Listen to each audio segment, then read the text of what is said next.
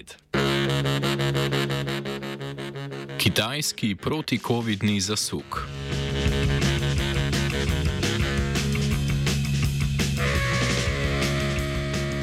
Kitajsko ministrstvo za zdravje je konec minulega tedna prenehalo dnevno objavljati podatke o številu okužb s COVID-19. Prav tako dnevno ne objavlja več podatkov o številu smrti povezanih s COVID-om. Iz kitajskih bolnišnic medtem poročajo o prezasedenosti kapacitet za okužene. Predtem je zdravstveno ministrstvo tudi spremenilo definicijo COVID-nih smrti.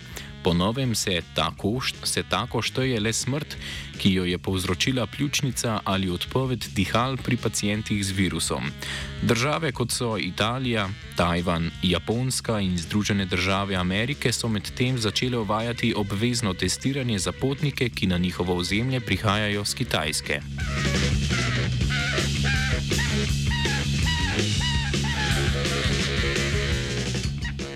Tri leta po prvih poročilih o izbruhu epidemije novega koronavirusa v kitajskem Wuhanu so kitajske oblasti tako rekoč čez noč na glavo obrnile politiko obvladovanja širjenja virusa. S politiko ničelnega COVID-a so do zdaj precej uspešno omejevali širjenje začetnih različic virusa. Problem je nastal zaradi nalezljivejših različic, katerih širjenja ni mogla omejiti niti politika ničelne tolerance.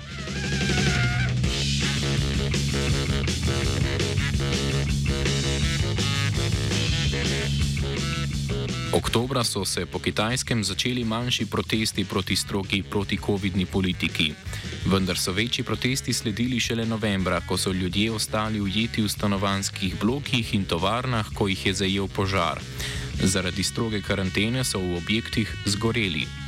Kmalo so oblasti najavile prva sproščanja proti-covidne politike, denimo skrajšanje trajanja karantene.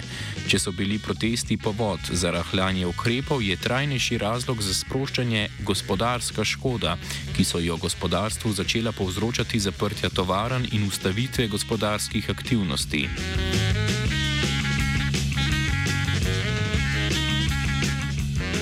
Ta teden pa so v državi sprejeli povsem nove ukrepe za borbo s COVID-om, ki bodo v veljavo stopili 8. januarja. Največji spremembi sta odprava nujne karantene ob prihodu na Kitajsko in odprava obveznega testiranja ob prehajanju regij znotraj države. Omogočili bodo tudi možnost karantene na domu za blago oziroma nesimptomatske primere. Za vstop v javne prostore ne bo več potreben negativen test, prav tako odpravljajo testiranja celotnih mestnih četrti. Z nekaj omejitvami bo pouk na manj rizičnih območjih spet potekal v živo. Prepovedali pa so blokade požarnih izhodov v stanovanskih kompleksih.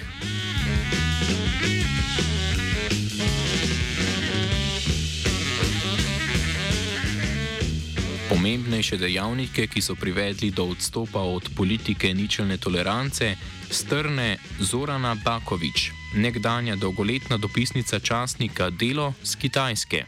Mogoče, da, je, eh, da so eh, požar v, v, v Xinjiangu, v kojem je umrlo desetoro ljudi, navodno zato, što jih nisu pustili van, a nisu ih pustili van jer je um, uh, jer je bilo, bio lockdown. Um, to, to je taj, ti protesti koji su pro, po, potekli od tog trenutka um, su uh, bili prvi m, veliki protesti, ako se ne može reći masovni, jer se u svakome gradu na ulicama nalazilo po nekoliko stotina, nekoliko tisuća maksimum par desetaka tisuća ljudi, što za Kinu se ne može reći da su masovni protesti. Ali prvi puta su se proširili protesti po jednoj temi. Dakle, jedna tema je ujedinila svaki od tih malih požara koji su se pojavili u e, velikom broju kineskih gradova. Mm, I e, kada su se pojavili građani i studenti sa listovima bijelog papira koji bijeli papir je ima više značenja u tom slučaju. Prije svega bijelo je boja žalovanja u Kini, a drugo prazan papir je značio da je zapravo sve cenzurirano i da se ne može reći ono što se misli. Uh, onda je kao i uvijek moralo doći do diskusije kako na to reagirati. S obzirom na veličinu, opremljenost, uvježbanost i koordiniranost kineskog represivnog aparata, ti protesti kakvi god da su bili zapravo nisu bili veliki izazov za kinesku komunističku partiju. Međutim, netko je očito odlučio, a možemo samo logično zaključiti da je to Xi Jinping osobno, da e, su oni dobar povod da se unutar partije napravi taj zaokret koji je između ostalog e, potaknuti time što je ekonomija pala na uh, jako nisku stopu rasta, ona i dalje raste, u Kini se ne može zamisliti da ekonomija ne raste, kada bi išla ispod nule to bi bila potpuna katastrofa, ali ako je ekonomija pala na ono što su prošli kvartali izračunali na negdje oko 3%, rast ekonomije, da je pao na negdje oko 3%, to je već jako, jako nisko i nedovoljno za održavanje gospodarske stabilnosti Kine, s obzirom da Kina ima veliki priliv nove radne snage svake godine, s obzirom da um, je um, Kina planirala ove godine rast od 5,5% i uh, Drug element, pomemben za odstop od stroge proti-covidne politike, so torej gospodarske razmere. Sa te dvije komponente, dakle, um, idemo idemo se predstaviti kao da slušamo glas naroda, jedna stvar i drugo, idemo se predstaviti kao da vodimo računa o tome da se ekonomija čim prije treba pomaknuti naprijed i puštamo sve, pa sad e, da vidimo što će dalje biti. To su bila dva momenta kada su, koja su vodila ka toj odluci, ali u biti neiskreno. Svi komentari u um, kineskom slobodnom medijskom prostoru koji postoji, ali naravno ne u Kini, Uh, on postoji na internetu i uh, ko, sastoji se od uh, kineskih novinara koji se oglašavaju samostalno, dakle ni, ni, ne preko određenih novinskih agencija ili časopisa ili tjednika, nego na društvenim mrežama koje Kine, Kineska komunistička partija ne može kontrolirati, svi e, politiku prema covidu e, i politiku prema e, ekonomiji u covidu e, kinesko predsjednika Xi Jinpinga proglašavaju apsolutnim porazom i apsolutnim, apsolutno neuspješnom. Um, to je nešto čega se Xi Jinping najviše plašio i baš iz tog straha je pokušao dignuti sve pa sad dobro ako smo ako nas se optužuje da smo sve upropastili time što smo čvrsto držali taj nulti kod, evo ga sada, sada je sve slobodno i što se dogodilo? Dogodilo se da ponovno nitko ne izlazi iz kuća, da je ponovno zapravo gradovi izgledaju kao da su pod lockdownom, e, da ponovno staju pogoni jer je ogroman broj radnika zaraženih i e, sada će se tražiti nova žrtva, odnosno novi krivac za to, kao što sam već nekoliko puta rekla, Ši će pokušati tu krivnju prebaciti na uh, sadašnjeg premijera Lika Čanga. Kot pravi sogovorka, so ukrepi ničelne tolerance Kitajsko močno ohromili. Zapiranje je povzročilo upad gospodarske dejavnosti, česar so se ustrašili tako doma kot v tujini.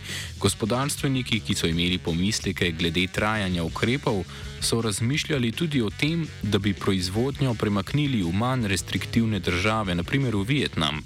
Kaj vse je zajemala politika ničelne tolerance do COVID-a, pojasnjuje Bakovič. Iz toga je u Kini proizišla e, politika takozvanoga nultog covid što znači nulta tolerancija na COVID, a to je opet pa još dalji ekstrem, ekstrem od ekstrema, gdje se je tijekom proteklih godinu dana na svaku pojavu asimptomatičnog slučaja zaraze reagiralo zatvaranjem cijelog recimo stambenog bloka, pri čemu kineski stambeni blok zna imati po 4, 5 e, pa i do 10 tisuća stanovnika, ponekada kvarta, ponekada cijeloga grada, Uh, ili uh, konkretno rečeno u jednom trenutku je pod izolacijom bilo preko 360 milijuna ljudi. Um, I to opet ponavljam samo zato što bi se u nekim dijelovima gradova pojavila, pojavio jedan ili dva ili nekoliko slučajeva sa simptomima ili čak bez simptoma. Vse skozi so različne kitajske province imele različne ukrepe za obvladovanje širjenja virusa.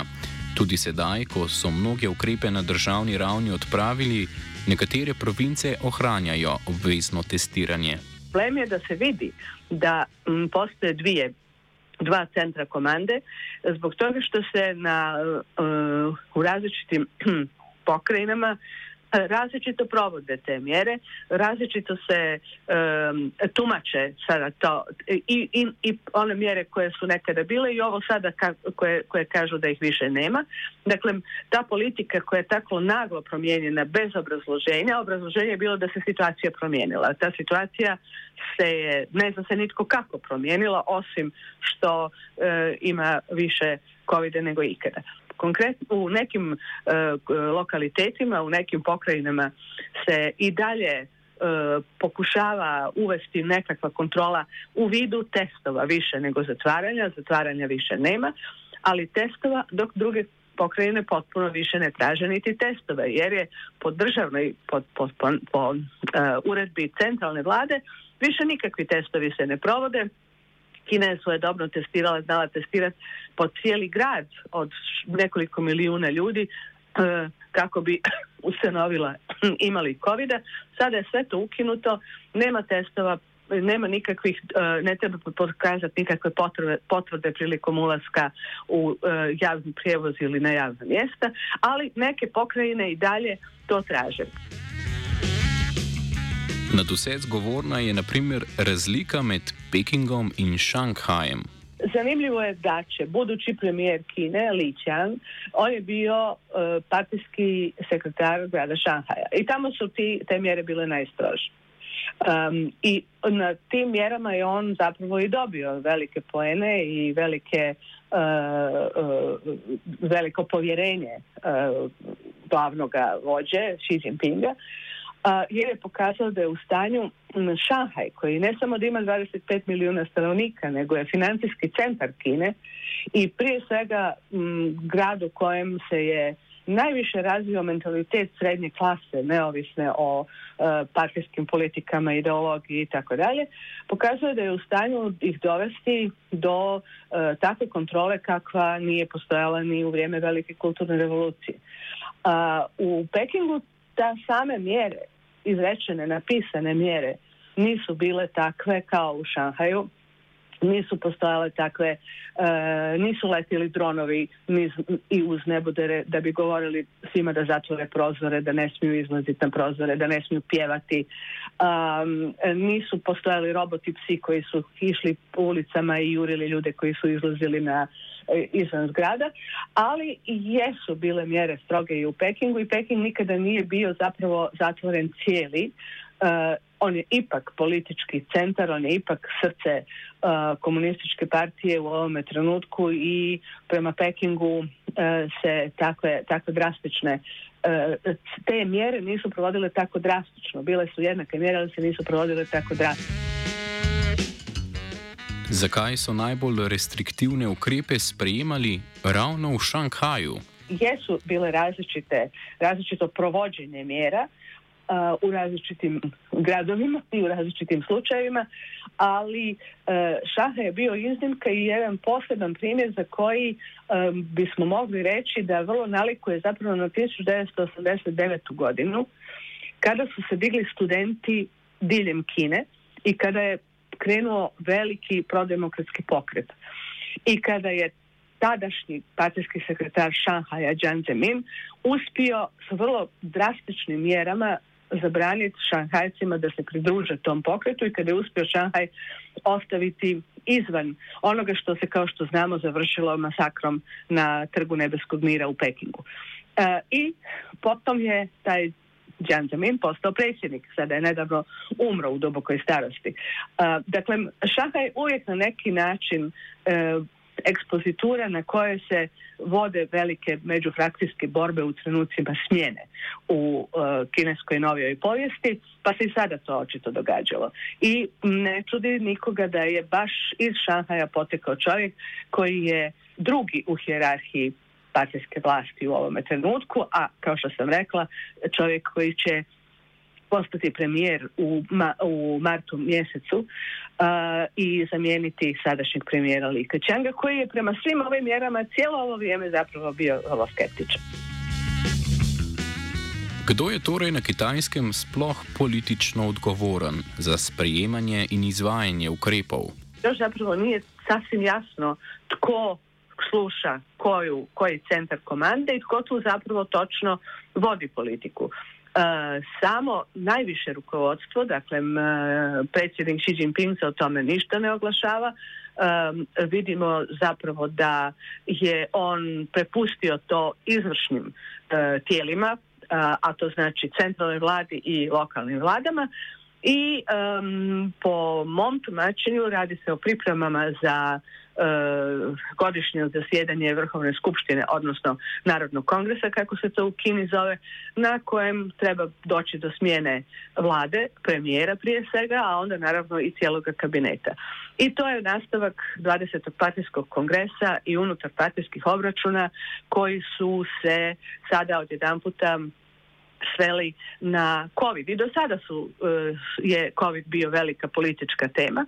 Međutim, ovo je sada očito e, pitanje e, koje je u srži završne borbe za primat i za potpunu dominaciju nad partijom, a i državom. Več držav, med drugim ZDA, Italija, Indija in Japonska, so v odziv na kitajsko sproščanje same začele zaostrovati pogoje za vstop ljudi iz Kitajske na njihovo ozemlje. Sogovorka pravi, da bo na Kitajska zagotovo reagirala, da bo na to Kitajska zagotovo reagirala, a trenutno tudi na Kitajskem še vedno testirajo potnike o prihodu v državo.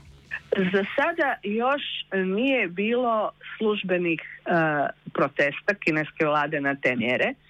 Uh, treba ih očekivati svakako. Međutim, još uvijek ih nije bilo između ostaloga i zbog toga što i sama Kina traži PCR test od 48 sati kada se dolazi u Kinu. Dakle, ukinuta je karantena, ali Kina traži test. Prema tome, uh, ja pretpostavljam da neće biti nekih bitnih um, uh, diplomatskih nota ili političkih uh, sporova oko toga što su um, te zemlje uvele testiranje. Međutim, ako sada nešto će se morati još događati. Ako vam pola aviona je zaraženo, nešto će se morati dogoditi. Da li to znači da će se zabraniti dolazak kine, aviona iz letova iz Kine ili će se uvesti još, još strože mjere na svjetskim aerodromima za letove iz Kine, to ćemo vidjeti. Nešto će se morati napraviti jer ovako očito neće biti, ovo neće biti dovoljno. U tom slučaju naravno možemo očekivati da će Kina reagirati, ali za sada velim, s obzirom da i sama ima propis da se mora imati PCR test na ulasku u Kinu. Ovo što sada rade ove druge zemlje je um, relativno u, u, u reciprocitetu.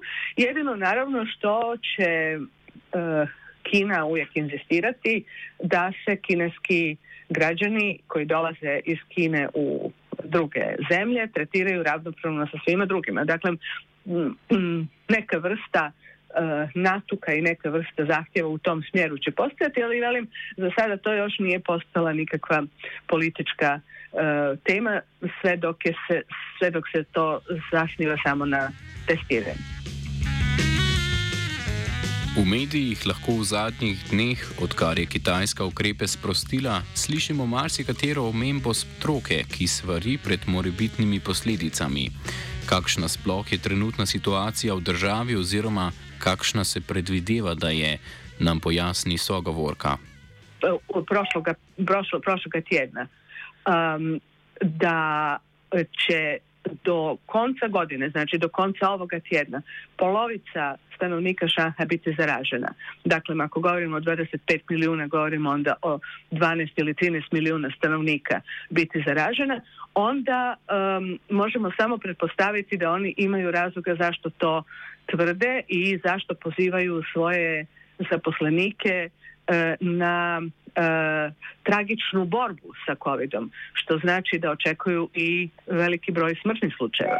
Ali kako kineske vlasti ništa ne objavljuju, um, mi onda, odnosno objavljuju samo broj smrtnih slučajeva od zakazivanja respiratornih organa, što je još uvijek vrlo nisko, možemo se oslanjati samo na procjene s jedne strane stručnjaka koji gledaju kako se kreće i kako e, koliko bi moralo biti zaraženih. I s druge strane na modele koje izrađuju neke od firmi u svijetu koje su cijelih ovih tri, tri godine, cijelo ove vrijeme izrađivali modele kako će se kretati, koliko će biti zaraženih gdje na temelju toga kako se širi virus i po tome i, imamo nekoliko tih procjena koje govore o ukupnom broju od preko milijun, a možda i do tri milijuna smrtnih slučajeva do kraja e, pandemije u Kini.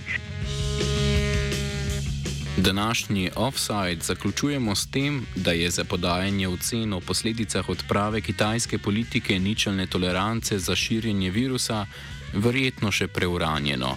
Zagotovo pa bo sprememba močno zaznamovala kitajsko politiko. Ovo što se sada događa, kinezi smatraju apsolutno najbitnijim dijelom politike njihove vlade, koja pokazuje sve propuste i promašaje koji su do sada bili prikrivani. Prema tome, ovo što se sada događa u ovom trenutku u Kini će morati imati vrlo velike posljedice. Te posljedice ne moraju značiti da će Xi Jinping dati ostavku, niti da će izgubiti vlast. To se u Kini ne događa tako. Međutim, ono što čega se treba najviše plašiti je da će upravo zbog svijesti o tomu da se radi o velikom porazu njegova politika ići u e, dalje zaoštravanje a na kom polju će se to zaoštravanje najviše osjetiti, to ćemo vidjeti. Hoće li to biti odnos prema Tajvanu, hoće li to biti odnos prema Americi ili prema e, nekoj drugoj zemlji koja će Japanu, to ćemo vidjeti. U svakom slučaju ovo će biti nešto što se što će u Kini imati vrlo velike političke, pa onda naravno i društvene posljedice. Offside sta pripravila vajenec Tilen in Zala.